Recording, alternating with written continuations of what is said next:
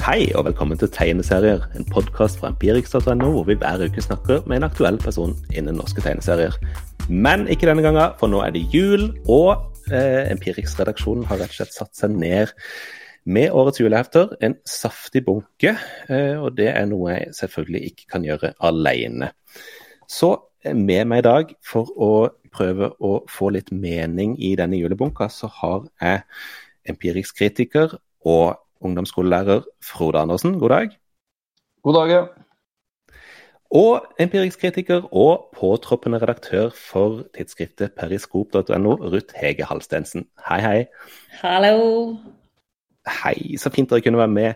Eh, vi tar jo dette opp sånn i slutten av november. Hvordan, eh, hvordan er det med julestemninga? Uh, den er i hvert fall uh, godt i hus nå, etter å ha dukka ned i denne bunka her, for å si det mildt. det, skjedde, ja. det, skjedde, noe med julestemninga da jeg fikk den bunken og begynte på den, ja. Og så er det jo Er det sånn man ikke skal røpe? Jo da. Vi sitter her jo og gjør opptak 24.11, og det skjer noe med julestemninga mi når jeg ser det der 24., da skjønner jeg at å ja, nå er det én måned til selveste julaften. Da, det, det hjelper på julestemninga, vet du. Det gjør det, og det var jo sånn rundt fem kilo med, fem kilo med julehefter som kom i posten litt sånn i forskjellige bunker her. Eh, hvis dere kan røpe, hva, hva, var det aller første som dere plukka opp etter å ha sett igjennom? Hva var det første dere leste? Nemi. Ja, hvorfor det? Av helt praktiske årsaker. Den lå øverst i den første konvolutten jeg åpna. Så da bare tenkte jeg ja ja, da kjører vi i gang. Eh, og jeg var jo eh, Jeg var jo veldig spent, da. På har, du et, har du et så pragmatisk forhold til julehefter at du bare leser det første først? ja, altså jeg har jo eh, Jeg har jo egentlig ikke noe forhold til julehefter overhodet.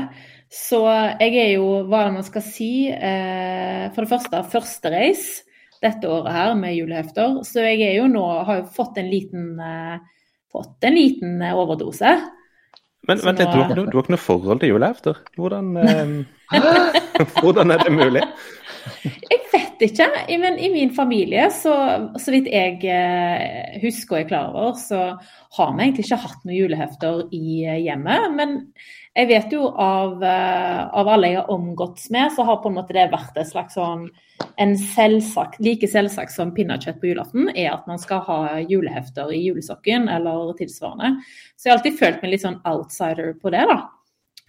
Uh, så på en måte så er jeg utrolig Jeg føler at denne perioden her nå, når jeg har hatt alle disse magasinene i hus, at jeg har fått Jeg har blitt liksom skolert jeg har fått innblikk i en eh, del av norsk kultur som jeg aldri har hatt eh, innsikt i før.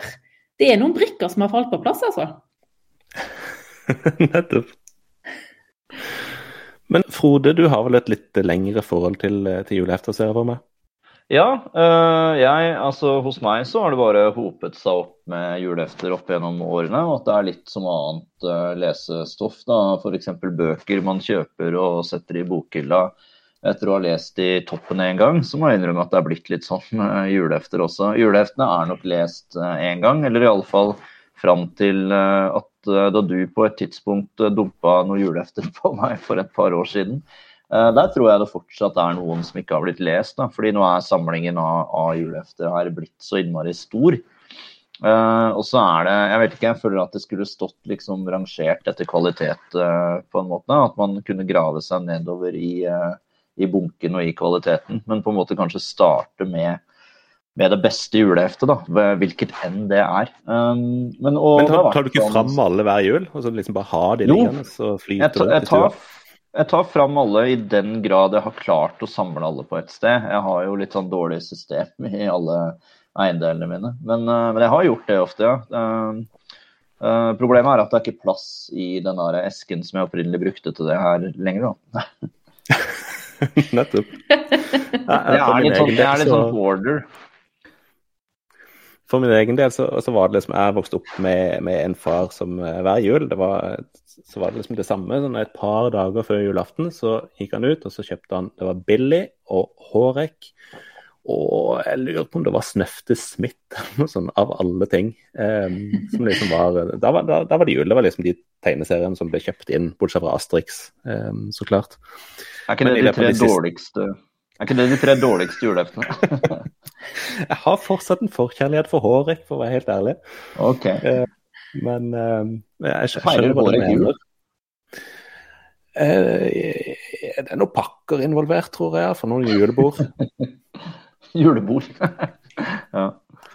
Uh, men i de siste årene så har jeg vært så miljøskada, for jeg har stort sett anmeldt julehefter hvert eneste år. Så jeg har hver jul, sånn, eh, hver jul, altså hver sånn 20. oktober cirka, så begynner det å, å ramle inn. Så nå, nå, har jeg ikke noe naturlig forhold til julehefter lenger, sånn overhodet. Et veldig pragmatisk forhold til julehefter du også, da? Ja, jeg må innrømme det. Men uh, det første jeg plukka opp uh, av, bunka denne gangen, det var uh, faktisk uh, et lunsjjulehefte. Um, mm. Jeg vet ikke hva det var, jeg bare, jeg bare, så det og så tenkte jeg ja, fint cover dette. Nå fikk jeg lyst til å lese dette. Uh, vanligvis så er det, og, og ikke le, men vanligvis er det faktisk Finn og Fia som er et av de, de første jeg plukker opp av George McManus. fordi at det er så Jeg liker de tegne, tegningene så godt. Det er liksom sånn Art Nouveau, og det er litt sånn der eh, gamle avisstriper fra Gudene vet når, når de stripene her er fra, om det er 50-tallet eller 60-tallet eller eh, hva det er. Har det jo foran meg så jeg kan slå opp. Men, uh, men det er noe ja, med den, altså, som, eh, som, jeg liker. Altså, jeg fikk jo litt sjokk når jeg kom uh, i Jeg har, har, jo da bladd meg nedover i en veldig pragmatisk rekkefølge. Så når jeg kom til de historiske uh, magasinene, så fikk jeg jo sjokk. og jeg har jo aldri lest Smørbukk eller Finnbekk og Fia eller hva var det de andre het? Uh, nå må jeg finne de her. Tusen Smith Og Knoll og Tott og, og Billy. Og, så for meg så var det jo Jeg følte at jeg var på Norsk Folkemuseum. Eh, men det som jeg likte veldig godt, eh, som jeg koste meg med i de, da, var, var den der en fantastiske eh, woke disclaimeren som er innledningsvis bl.a. i Billy, nei, i Blondie. Uh, der redaksjonen er veldig bevisst på at tiden har endret seg siden den eh, familiekonstellasjonen eh, fant sted.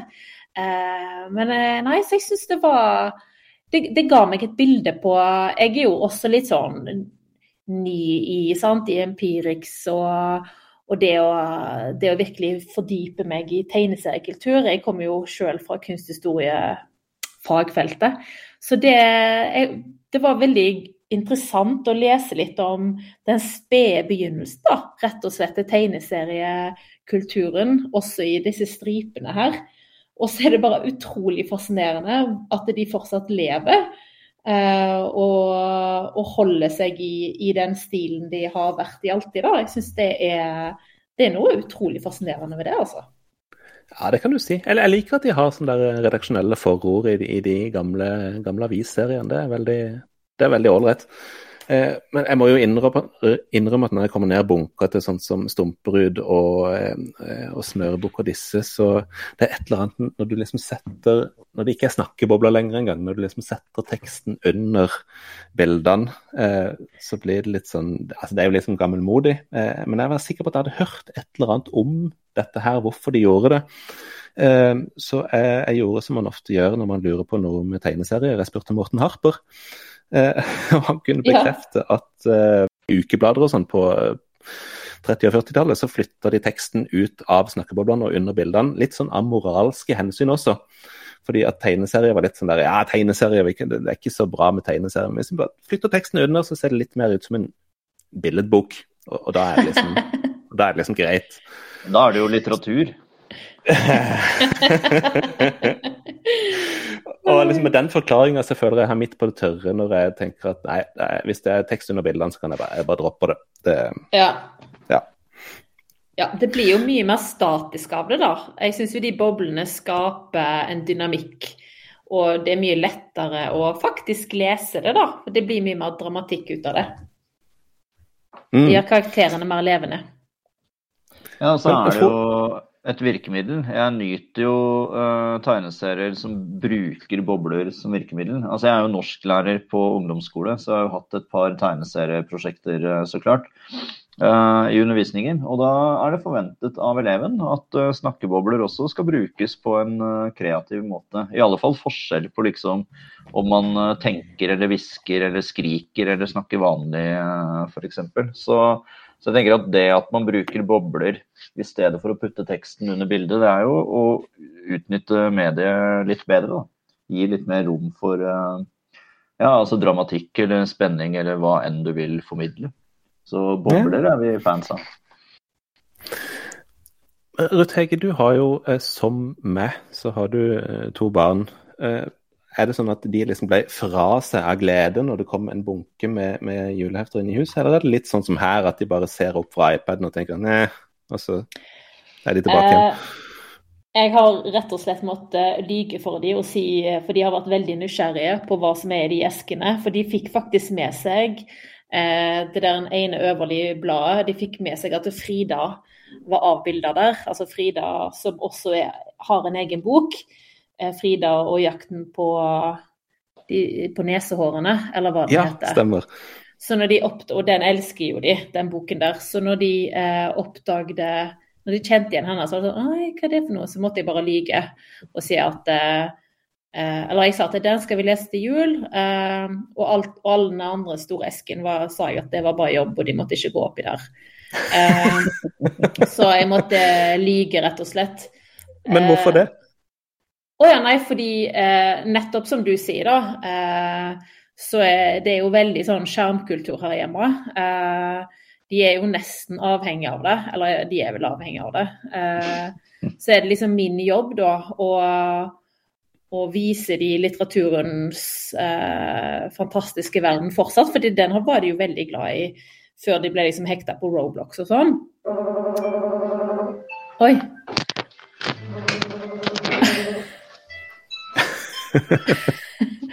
og så eh, Så jeg tenker rett og slett at eh, nå skal jeg bygge opp litt forventning til, eh, til jul, sånn at vi har at vi kan virkelig liksom bruke denne tiden her sammen med magasinene. da, fordi det er vel det jeg tenker på når jeg ser disse magasinene her, at jeg tror de fortsatt er veldig relevante for barn som vokser opp i dag. Men faktisk vel så mye som et slags pusterom fra, skjerm, fra den skjermkulturen de har. Da, fordi det er, eh, det er noe veldig sakte ned neddempa i de historiene som jeg leser. Som, jeg må si at de fleste, sånn som jeg leser de, har et veldig sånn bevisst forhold til det å, å skape en slags julero. da.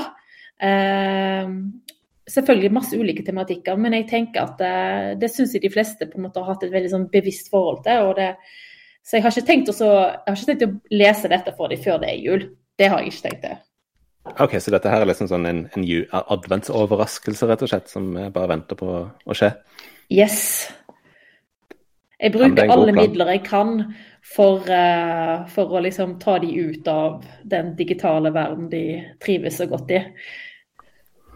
Ja, for jeg, jeg lurer jo litt på altså På mange av disse her så føler jeg meg liksom som noen og 40-åring. Sånn midt i målgruppa, eller kanskje til og med litt ung. For, for, ja for mye av dette. Så jeg vet liksom ikke hvor mye av dette her som er, eh, som er for barn og unge. Hva tror du, Frode? Jeg bare syns jeg hører liksom overskriften Har tegneserier blitt gubbete? Eller har tegneserieleserne blitt gubbete? Eller et eller annet sånt. Om vi har blitt gubbete fordi vi sitter med, med tegneserier og julehefter og insisterer på at uh, ja, hva skal jeg si, at, at, dette er verdifulle greier. da, Bort med de der iPadene. Jeg vet ikke. Men uh, nei, altså målgrupper Jeg tenker at um, altså julehefter uh, er jo visstnok en særnorsk greie, eller særskandinavisk greie. Eller sånn ganske, i hvert fall. da. Uh, er det ikke det? Eller tar jeg helt feil nå? Martin? Nei da, det, det, er veldig, det, er veldig, sånn. Jeg tror ikke de vet hva vi snakker om hvis de bare kommer til Danmark eller Sverige omtrent. Ja, for jeg har i hvert fall hørt at det ikke er en greie i, i Statene f.eks., som er Donalds uh, hjemland. Men uh, Nei, og, og, da tenker jeg at det som er tydelig blant juleheftene, da, det er at jeg tenker at nå har det utvida seg. Nå er det masse forskjellige uh, ting uh, altså Nå har man litterære julehefter, på en måte, og man har klassikerne og alle de her nye, eller relativt nye. da, altså uh, norske seriene har gått ut og laget julehefter og sånn. Og så er det, det er blitt en mye større variasjon i juleheftene. Og det sier jo litt om hvor lite variasjon det var før. Da det var uh, Disney-figurer sin jul og Snøftesmitt sin jul osv. Og, så og det var et sånt hefte. Og det var ofte ikke i albumformat. Det var en sånn avlangt, altså ikke sånn sjekkhefteformat heller, da, men liksom sånn liggende, liggende papirformat, på en måte. Uh, mye av det. da, så, så, jeg tenker at julehefter har jo gått fra å være en litt sånn smal greie til noe som helt tydelig har mange forskjellige målgrupper, uh, egentlig, da, sammenligna med, med, før. Men det er jo ikke det er, ja, det er jo mange tegneserieskapere som ikke lager julehefter, uh, så klart. Og nå er det jo mange som lager julehefter som ikke har noe med tegneserier å gjøre. De må bare innrømme at de ikke har lest, fordi dette er en tegneseriepodkast. Og er det ikke tegneserier, så er det ikke julehefter. Så de, de, får bare ligge der. Nei, det er helt sant. Det er såpass mange at vi, vi klarer å hoppe over noen, i hvert fall. Ja. Eh, men det er jo litt sånn at uh, disse juleheftene er jo omtrent det eneste ganger mange blir utsatt for tegneserier i løpet av året. Jeg tror at noen tenker liksom sånn Å ja, dere anmelder tegneserier på Empirix, men hva gjør dere resten av året når det ikke kommer noen julehefter? Er det noe da? eh, men eh, hvis, vi skal gå litt sånn systematisk til verks så godt vi kan altså, har, Jeg har litt sånne ulike bunker foran meg på bordet her. altså den en av de som alltid jeg syns er veldig gøy, det er liksom å se hva de norske stripeserie eh, tegnerne gjør. altså Der har vi Pondus, sant? vi har Lunsj, vi har Store Fri. Enda et pondus. Eh, tegne hans jul. Rutetid. Frode Øverli har vært veldig travel. Eh, Duns i år, eh, og, og, Nemi. Eh, kollektivet hørte noen rykter om at skulle komme, men det fikk aldri jeg, iallfall. Men eh, hva, hva, hva, hva syns dere Hvem syns dere utmerker seg her? Uh, ja, altså utmerker seg positivt, eller hva tenker du på? er det lov å nevne begge deler? Ikke sant. Du, jeg kan egentlig bare gå tilbake til, fordi du åpna med å spørre Rutegi hvilket hun leste først. Um, jeg, uh, altså de to jeg leste først, da. Uh, Duns uh, jula 2021 og Tegnehannes jul. De leste jeg på samme kvelden eller ettermiddagen. Ja. Og uh, der er det jo uh, Tegnehanne har jo da dette sedvanlige liksom litt sånn metablikket sitt med hvor mye hun har slitt med å få laget et uh, julehefte. Og vanligvis er jeg ikke så glad i det der metablikket, men altså jeg tenker at man kjøper ikke Tegnehannes jul for å komme i julestemning, tenker jeg da. Man kjøper, tegne, kjøper og leser Tegnehannes jul for å lese om Tegnehannes jul. Og da må du skjønne at hun som vanlig har vært seint ute med ting, utsatt ting, feia det under et teppe, og så holder ting på å gå til helvete, og hun angrer på at hun gjorde noe så dumt osv. Så, videre. så det er liksom ikke Det er ikke en vinner på, på julestemning. Det, det, er det ikke. Jeg har prøvd å gradere det litt etter julestemning her. Uh, Tegnernes julehefte det ja, nei, Jeg liker veldig godt at hun avslutter forordet med å si liksom, eh, dette blir mitt siste julehefte. Ja, ikke sant? Det, men det er jo interessant i seg selv. Da. da er det jo bare å pakke det ned i plast og gjemme det unna fem eksemplarer, i og med at dette er hennes første og siste julehefte. Um, men uh, Og så starter hun våren 2020. og det er bare så fascinerende. Julehefte står det øverst, og så står det 'Det er våren 2020. Jeg er på min lokale kafé', osv. Og, og så er det en tegning som bare er så innmari sånn herre tidsportrett og generasjonsportrett. fordi da sitter hun der med headset på, og det er sånn herre uh, koronameny-greie på bordet ikke sant? med en QR-kode du skal skanne. Og sitter ute, og folk sitter og røyker, og det er i seg selv forstyrrende nok, på en måte. Jeg bare føler hele den derre den der kreative generasjonen som sitter på kafé, er liksom portrettert der, da. Uh, og, og, um, og, hvem tegnerne på en måte har blitt i løpet av de åra hun har uh, holdt på. Altså I tillegg da ja, Nei, det er jo bare komisk. Overskrift i juleheftet og første setning. Det er våren 2020. Da, da veit du litt hva du får, på en måte. Så det syns jeg, var, uh, synes jeg var litt artig. Um, og litt det samme, eller det motsatte, opplevde jeg da jeg åpna Duns. Uh, fordi førstesida der det er en diger tegning av uh, et sånt Amfi kjøpesenter. Uh, da vet du med en gang at du er i en toppen mellomstor, kanskje en ganske liten norsk by. Og så er det en sånn fire meter høy oppblåsbar nisse utafor. Og så bladde jeg om, og så står da han hovedpersonen i Duns i kø med en jævlig skummel, nisseaktig figur bak seg. Og jeg begynner bare umiddelbart å le, da, og skjønner at uh, her, er jeg, her er jeg spent på hvor mye julestemning jeg får, på en måte. så, det, så, det, føler jeg var to hefter som det passa å starte med. For jeg hadde også en tanke om at uh, jeg skal ikke rett inn i de der mest julete fortellingene nå, som det fortsatt er så lenge igjen til julaften.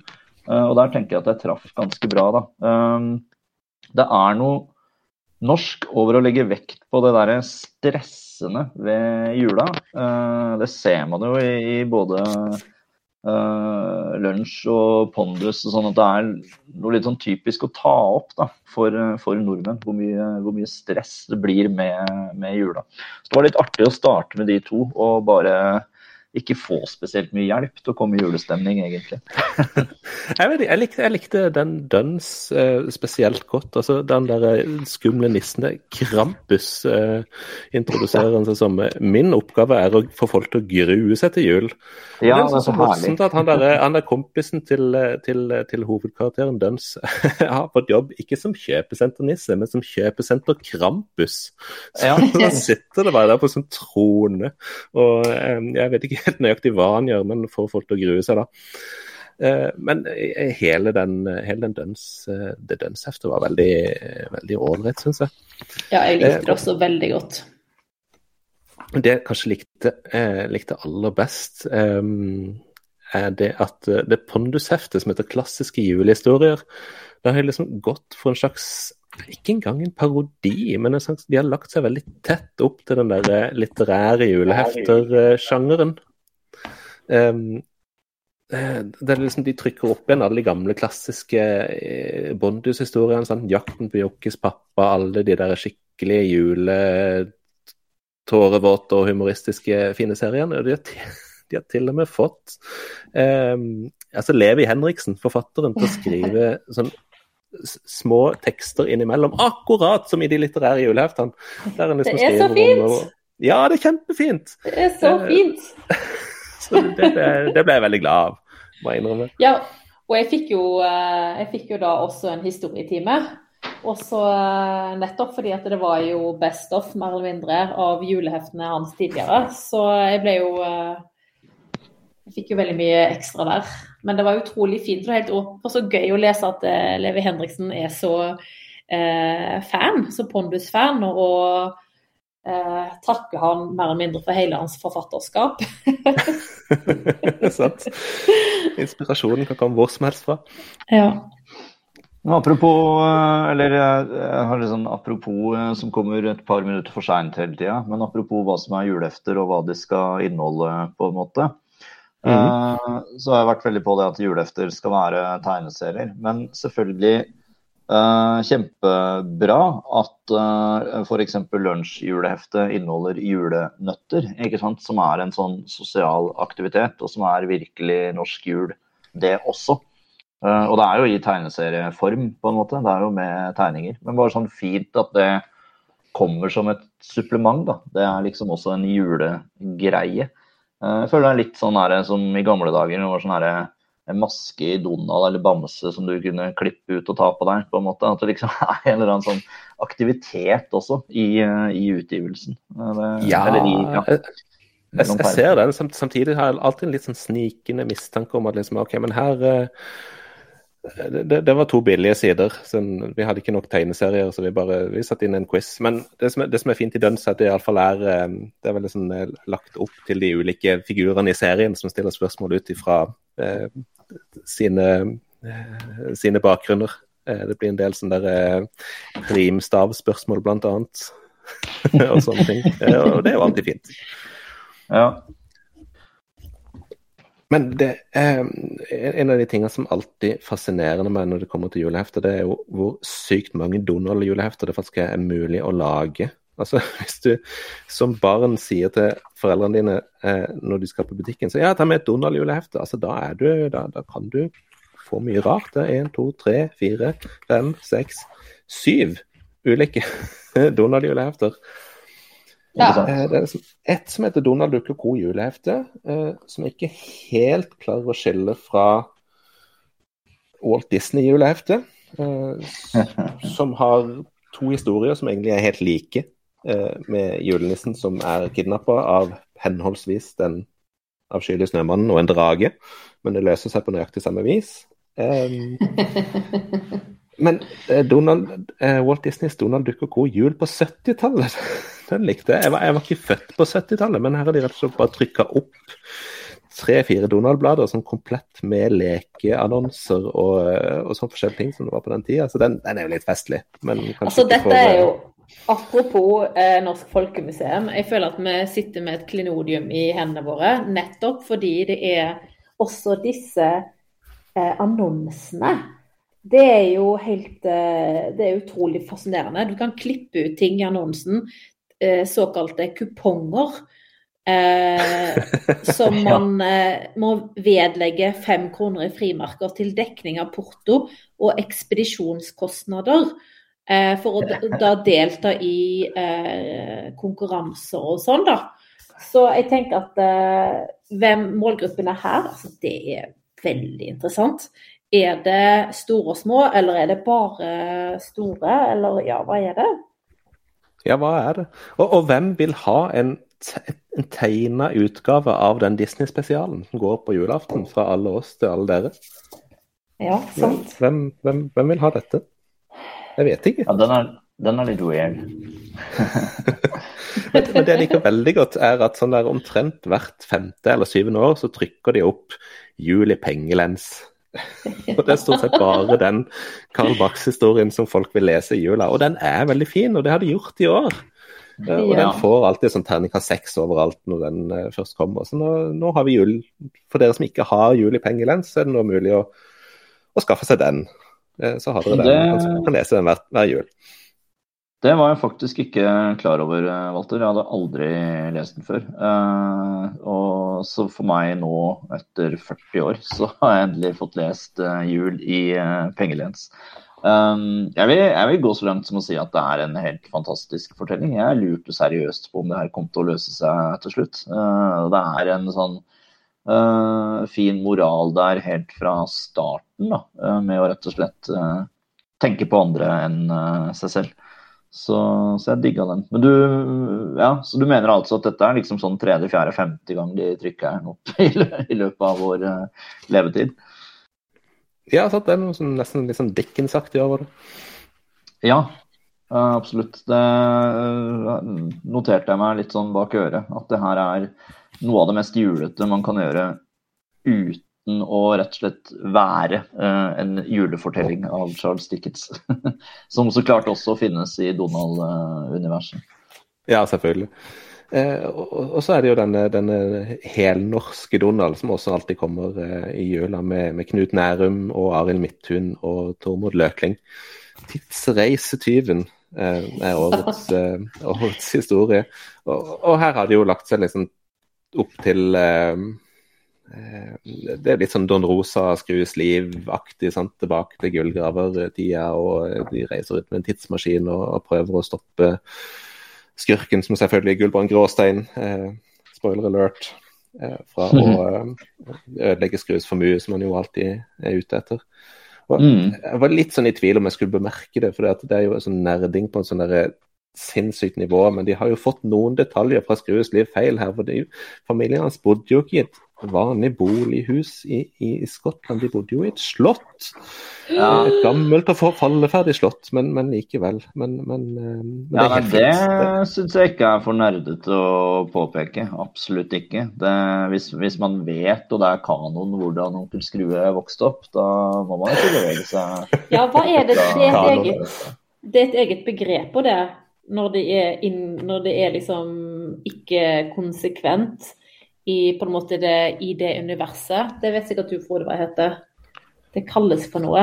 Jeg er litt usikker på hva du tenker på. Så Ja. la Kanskje oss sånn ikke der superhelter som når de sier sånn non-canon. At det ikke Ja. er Ja, det er det, det er det jeg tenker på. Eh, Canon og non-canon, på en måte. Et Men, eh, alternativt univers, rett og slett. ja. Men Kanskje vi ikke skal nerde for hardt på den, da. Men, uh, men spørsmålet ditt, eller uh, nå er jeg usikker på hvordan du formulerte det, men jeg skal svare på det likevel. Jeg tenker at uh, om, altså, vi trenger jo ikke sju Donald julehefter. eh, og vi trenger det i hvert fall ikke hvis det ikke er sju gode Donald Duck-julehefter. Da trenger vi det virkelig ikke. Så jeg tenker at lag sju Donald-julehefter hvis du klarer å lage sju gode hefter. og og det ikke er bare greier som ble trykka i fjor eller for et par år siden. Eh, Jeg har nå lest Donald Duck god gammel årgang fra perm til perm, og der var det jo så vidt snø. Ikke sant? Langt mindre jul. Eh, Så jeg mener at det her, det, dette trenger dere ikke når dere har så mange Donald-julehefter. Og det er litt sånn jeg husker uh, julehefteopplevelsene fra barndommen også. At du fikk At det kunne være eh, eller annen sånn Disney-figur da, som hadde sitt eget julehefte. Men så var det ikke noe særlig jul i det. De hadde bare klart å grave fram åtte, ti, tolv dobbeltsider med Fant, den der nevøen til landstrykeren. Liksom. Altså, det blir så marginalt som det kan få blitt. da. Og så er det jo ikke jul. Så Det var ålreit å lese det, for det var sånn god gammeldags rølpete Donald som installerer TV i bilen og alltid er blakk og alltid er gnien og krangler med nevøene og sånne ting. Men uh, er det et julehefte? Nei, det er ikke et julehefte, rett og slett. Stryk. Ja, sant. Og, og sånn er det jo med noen av disse. Altså, det blir bare julehefter fordi at man har lest i jula i så og så mange år. Altså, det er jo verken snø i Knoll og Tott eller Blondie eller noen av disse, men det er liksom bare sånn, det er julestemning fordi at det er jul, og da leser vi dette. Det er liksom Grevinnen og hovmesteren. Vi får julestemning selv om de feirer nyttårsaften. Ja. Det er jo det er en norsk eh, standup-komiker som heter Kristoffer Schjelderup, som lurer på hvorfor 'Jeg gikk med over sjø og land' er en julesang. For det er jo ikke noe jul i den sangen. Det er jo bare det at vi har vent oss til å synge den når det er jul. Eh, og det er det jeg tenker litt med tegneserier også, at eh, ja, vi har vent oss til å lese alle disse tegneseriene og, og får det mellom to permer og som julehefte. Men eh, det er, det er noen som har tatt litt lett på hva de tillater seg å kalle et julehefte, syns jeg. Men jeg syns jo også altså Nå er jo jeg førstereis, og jeg hører, jo, jeg hører jo at dere er veldig strenge og kritiske. Eh, og har noen litt sånn snevre rammer på, på hva som kvalifiserer noe til å være et jule, en juletegneserie. Og jeg tenker jo da er jeg litt mer der som eh, at det må ikke være jul for å komme i julestemning. hvis du har noen, fordi det er jo disse ritualene, ikke sant? Eh, og da tenker jeg at det er sånn som noen av disse sære litt sånn norsk kultur, eh, folkemuseum, eh, Tuss og Troll og eh, Knoll og Tott og sånn, at jeg tror kanskje at det, det som er litt morsomt med det, er at du, du igjen, du skrur ned tempoet, og så tar du del i en eller annen slags form for eh, kultur som du vanligvis ikke oppholder deg i. Og så er det kanskje litt sånn på tvers av generasjoner, da. Du kan le litt av det, og, og så kan kanskje noen andre som er litt eldre enn deg, fortelle om hvordan det var når de vokste opp og leste det og sånn. Jeg syns kanskje det er litt fint, jeg. Ja. Men Ruth Ege, veit du hva som sjekker av på alle de punktene der? Truls og Trine redder julen. Hva er det for noe? Det er en klassiker. Nei, nå må du gi deg, Walter. Apropos Arild Midthun. Truls jo, og Trine redder julen. Ja, ja, ja. Kom igjen. Visst. Ja, det er, det er så klart en nisse. Det er en julefortelling, og det er norsk. Og det er sånn som jeg leste da jeg var liten. Og det er humor, og det er spenning, og det er så koselig. Og det er lavt tempo, og det er liksom bare trekk, trekk, trekk, trekk. trekk. Den er veldig Så- fin. Den, den tror jeg de ga ut på nytt i fjor eller året før. Lurer på om det er i fjor, ja. det er i løpet av de par siste åra. Og så kom det med en sånn ekstra fortelling i tillegg, som er en veldig god utgivelse. Eh, som jeg trodde jeg hadde liggende her, men jeg ser at uh, den jeg har liggende her, kosta 12,50, så den er antagelig noen år gammel. Da var det ikke det. Så, Men jeg er jo litt ja. nysgjerrig på, på Ruth Hege, du som, som eh, første reis, som du sier, i julehefteverden. Altså, hva, hva likte du best her? Altså, topp tre oh. eller topp én, hva du, Ja. hva du foretrekker? Nå blar jeg febrilske bunken her. Jeg likte best Jeg likte veldig godt Pondus. Eh, Hvilken av de? Eh, nei, egentlig bare den julen 2021. Uh, den syns jeg var fin, rett og slett pga. at jeg syns den var hysterisk morsom. Og så likte jeg veldig godt Duns. Fordi det som jeg likte Altså, det var, det var utrolig fint nettopp med den der en veldig troverdige og samtidig humoristiske førjulstida. Og så vet jeg ikke om det er bevisst, men han Krampus, det er jo en Vet ikke om dere kjenner til Labyrint, eh, som går på NRK. Nei. Eh, det er en sånn eh, NRK Superproduksjon som er superpopulær eh, blant barn. Eh, og han har jo eh, en, en, sånn robotaktig maskin som er slem, da, som heter Krampus. Så om det var en, om det var en liten kommentar til det, det vet jeg ikke. Hmm. Interessant. Uh, ja, og så syns jeg Altså for meg så var det veldig sånn blast from the past. Altså, Nemi var ikke på topp tre-listen min, men det var veldig blast from the past. På grunn av, jeg tror ikke jeg har åpna og lest et Nemi-blad siden typ 2001 eller noe sånt. Så det er veldig lenge siden sist. Og så var det bare sånn Oi, her har det skjedd mye. Men estetikken er helt lik. Uh, og så syns jeg det var veldig morsomt at de hadde denne uh, Eh, Edgar Allan Poe, eh, 'The Raven'. Eh, de hadde liksom illustrert den. og jeg tenkte at oi, dette er jo så gøy. Nå kan man jo i hvert fall komme inn i sånn litt sånn Mørk, gotisk julestemning. Ja, nettopp. Takk. mm. Og jeg, jeg, virkelig gjorde alt for å på en måte leve meg inn i fortellingen, men jeg fikk det ikke til. Jeg vet ikke om det var bare meg, eller uh, det var et eller annet med måten det var illustrert på, og på en måte uh, Hvordan ja, de brøt opp eh, teksten og sånn. Men jeg syns det var en god idé.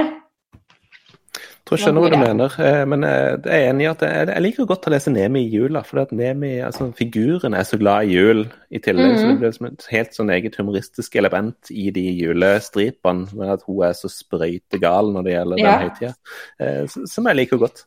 Ja, det gjorde jeg også. Og jeg, eh, jeg merka liksom at når jeg leste dette Å, gud, det er gøy å lese Nemi. Hun er på en måte hun er en så tro, altså Det er jo sært å si at hun er en troverdig karakter, men hun er det. Hun lever liksom kommer til liv på, på sidene, da, og det er jo litt gøy. Eh, mm. Så eh, Men absolutt eh, Duns. Og så syns jeg altså tegnehånda eh, Tegnehånda generelt er jo jeg eh, veldig begeistra for. Eh, jeg syns hun er så sykt morsom. Eh, og så er hun så selv Hun er så, hun er så flink til å på en måte la, skape humor på egen bekostning. Og måten hun klarer liksom å, å, skildre familien sin på, og disse ulike sosiale sammenkomstene. Jeg, jeg vet ikke om andre jeg, som får det til på samme måte som henne, som jeg kjenner til, i hvert fall. Og så er det så enkle virkemidler alltid. veldig sånn, Alt er så stilisert, men allikevel så smeller hun til, da. Det syns jeg er veldig gøy.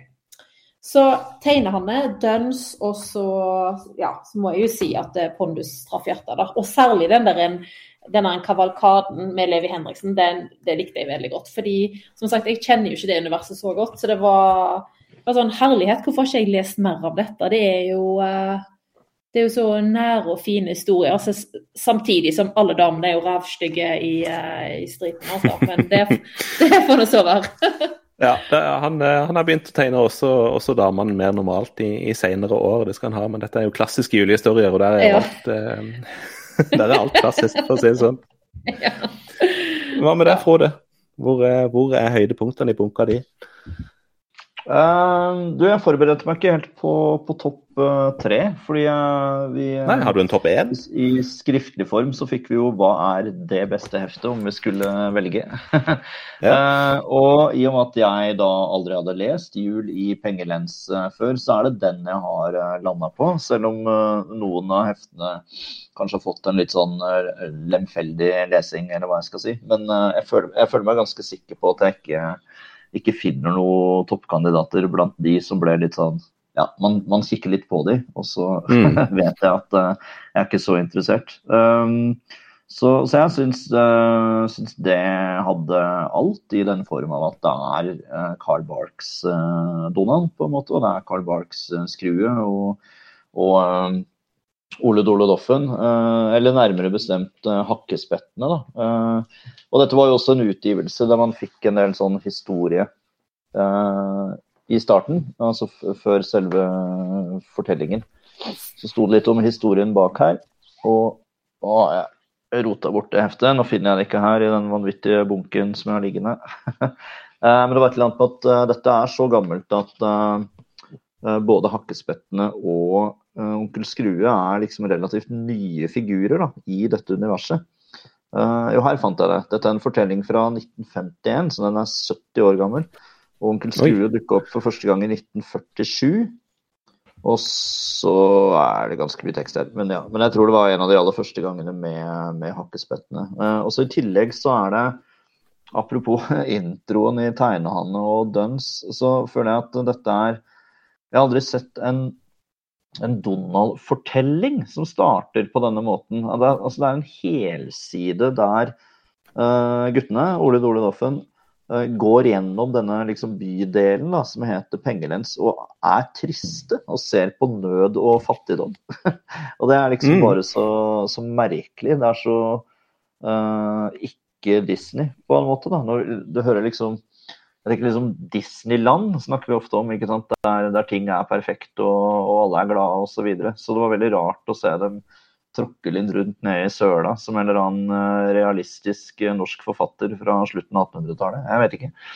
Så eh, ja, så noe, noe topp tre tror jeg ikke blir fair, men jeg vil bare understreke at uh, jeg også syns Duns-heftet var veldig, veldig bra, selv om jeg trakk frem i sted at uh, at det er ikke det som hjelper meg mest med å komme i julestemning. Men, uh, uh, men jeg syns det var et, uh, en herlig utgivelse, det også. Med, med mye varme, men, men, ikke så julespesifikt, ikke sant.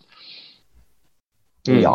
Nei, jeg, jeg også vil slå, en, slå et slag for, for Duns. Altså, det var veldig, veldig fint. Altså, sånn lang sånn spesialhistorie, sånn store sider som er fylt med, med tegninger. Altså, I det hele tatt veldig godt tegnehåndverk, syns jeg, gjennom, gjennom hele, hele, heftet.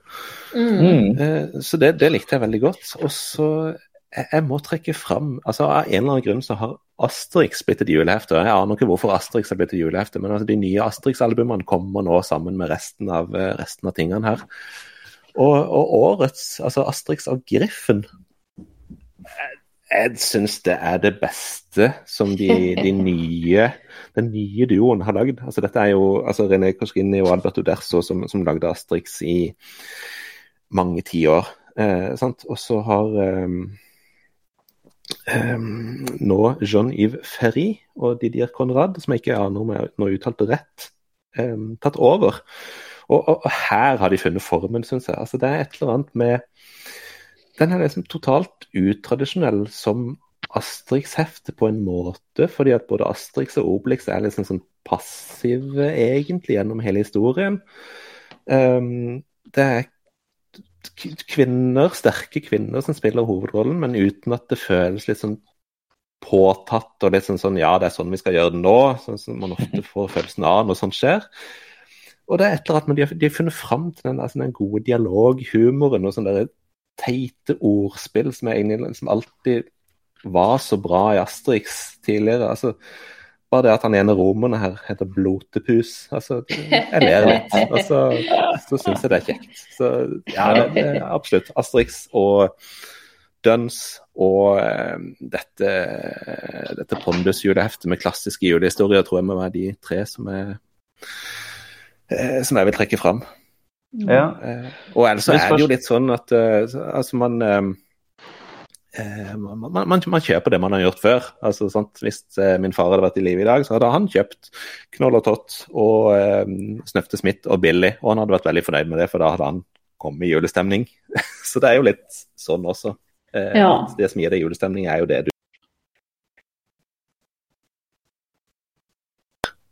Så det også er jo svaret iblant på hva som er det beste. Ja. Uh, men da, hvis tallet er tre, da. Uh, jeg bare tenker på det der Rex Rudi-juleheftet fra 2006, eller hva det var for noe. Fordi ja. to ordspill Altså, um, den norske stripeserien Rex Rudi, men der Uh, slo jo han Rex Rudi-skaperen, nå står det helt stille på navnet, da. Men han slo seg jo fullstendig løs med en lang historie om liksom bygdedyret, men i form av en slags zombier. Og, og, bandet var på turné i et forferdelig snøvær, og det bare det liksom dukka opp monstre, og det ble motorsagvold og så innmari mye rart. Eh, men samtidig så var liksom, altså rammen var jul. Og du nevnte ordspill. Han kjørte så knallhardt da, i perioder. Eh, altså I Rex Rudi så var det det var så innmari mye sånne ordspill og vittigheter og en dialog som liksom bare eh, aldri gikk tom, da, på en måte. Og det fikk han til veldig bra i det juleheftet. Eh, så sånn sett så ville jeg nok tenkt at jeg kan, eh, jeg kan sette meg ned med Carl, Bar Carl Barks jul og Duns sitt julehefte. Men så vil jeg grave fram da Rex Rudi fra 2006, eller hva, hva det var for noe. Uh, og, og, heller lese det, da. Men, uh, og, men, selvfølgelig kjempebra at Asterix er helt der oppe av liksom Helt på kvalitetstoppen igjen. tenkte litt på igjen da, om det, om det, på en måte blir, blir julete nok med disse, med disse, gallerne. Men det er jo en kjempegod leseopplevelse. Det er det jo. Ja, de, de tramper nå rundt i snøen iallfall, så det er jo noe. ja. Men, eh, altså, jeg, jeg, husker det, jeg husker det Rex Rudi-heftet faktisk sjøl også. Thomas Dreffelin het han. Thomas Dreffelin, takk. Ja, jeg tenkte på Thomas, og så visste jeg at det var et vanskelig etternavn. Uh, og det var liksom så kjekt, med det, fordi at det, det var liksom sånn um, Ofte så var det jo lenge sånn når man skulle trykke opp julehefter, så var det sånn ok, men da trykker de bare opp igjen gamle striper. Sant? Du hadde gjerne lest det før, og sånn, så var det noen som liksom begynte å ymte seg frampå på en, en par sider spesialhistorier og sånn. Men han ja. tok han liksom helt ut, og det var sånn 32 sider. bare én ja, ja, historie. Og det var kjempegøy. Hvem var, hvem var det som skjønte det, liksom? At vi trenger ikke trykke inn vi trenger ikke bruke en måned på å finne flest mulig striper med snø og hjul og noe som ligner i. Vi kan faktisk skrive en helt egen fortelling. Det er jo ja, det er genialt. Det er som bacon rundt pølsa. Han må jo ha starta rundt påske og jobba fulltid fram til høsten omtrent med det der. Det var jo helt sykt. Ja, ifølge tegnehanne så starter man uh, våren 2020 hvis man vil gi ut et uh, julehefte uh, til jula 2021. Men nå hadde hun et ekstremt lavt tempo da, og lite effektiv prosess. Men vi kom i mål til slutt, hun òg. Men nå sitter vi her med fem kilo julehefter. Hva, hva, hva, gjør man med julehefter etter at jula er over? Kaster man de ut sammen med juletre, eller hva skal dere gjøre? Ta vare på de. Det skal fortsette å hope seg opp her litt til. Jeg, på, jeg, jeg vil nå det punktet der jeg har en imponerende samling julehefter. uh, ja, jeg skal nok gjøre det helt motsatte. Jeg tenker at jeg skal uh, Alle de som jeg kategoriserer som uh, Norsk Folkemuseum jeg, bor jo i en lavblokk med en del seniorer som jeg eh, tror vil sette pris på, på, en del av disse klassikerne. Så de skal jeg rett og slett gå rundt og være og, og, og dele med, med nabolaget mitt. Ah, det var og, veldig julete og fantastisk. Ja. ja. Så ja. Så jeg tar en Scrooge og hoarder julehentene for meg sjøl og skal pokker ikke dele med noen. Bah! Humbug. Bah, humbug. Ja. Nei, det blir vel de litterære juleheftene går vel fort til min mor. Og eh, beholder vel en god del sjøl. Og så er det noe som nok antagelig kommer til å havne under juletreet på jobb eller noe sånt, ser jeg for meg. Ikke sånn, sant. Sånn, eh, sånn går det. Men tusen takk for at du var med og eh, analysere og snakke om bunker sammen med meg. Så eh, det er ikke for tidlig å ønske dere god jul, nå er det det? Nei. Det er bare en måned igjen. Eh og så vil jeg jo si at uh, tusen takk for at jeg fikk være med. Takk for tilliten. Uh, jeg uh, er førstereis i år, og nå har jeg allerede sett meg ut et par som jeg skal fortsette å følge til neste år. Så to be continued. Ja, kanskje dette er det nye Dette er på en måte Empirix sitt julehefte. dette er vår nye juletradisjon. Hvis vi bare gjør det en gang til, så kan vi aldri stoppe med det. ja. Det er sant. Ålreit. Takk for i dag. Takk God for i dag. God jul! Med det så tar faktisk podkasten tegneserier i juleferie.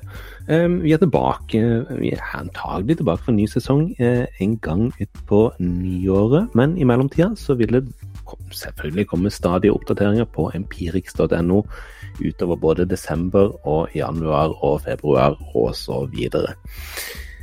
Takk for at du har hørt på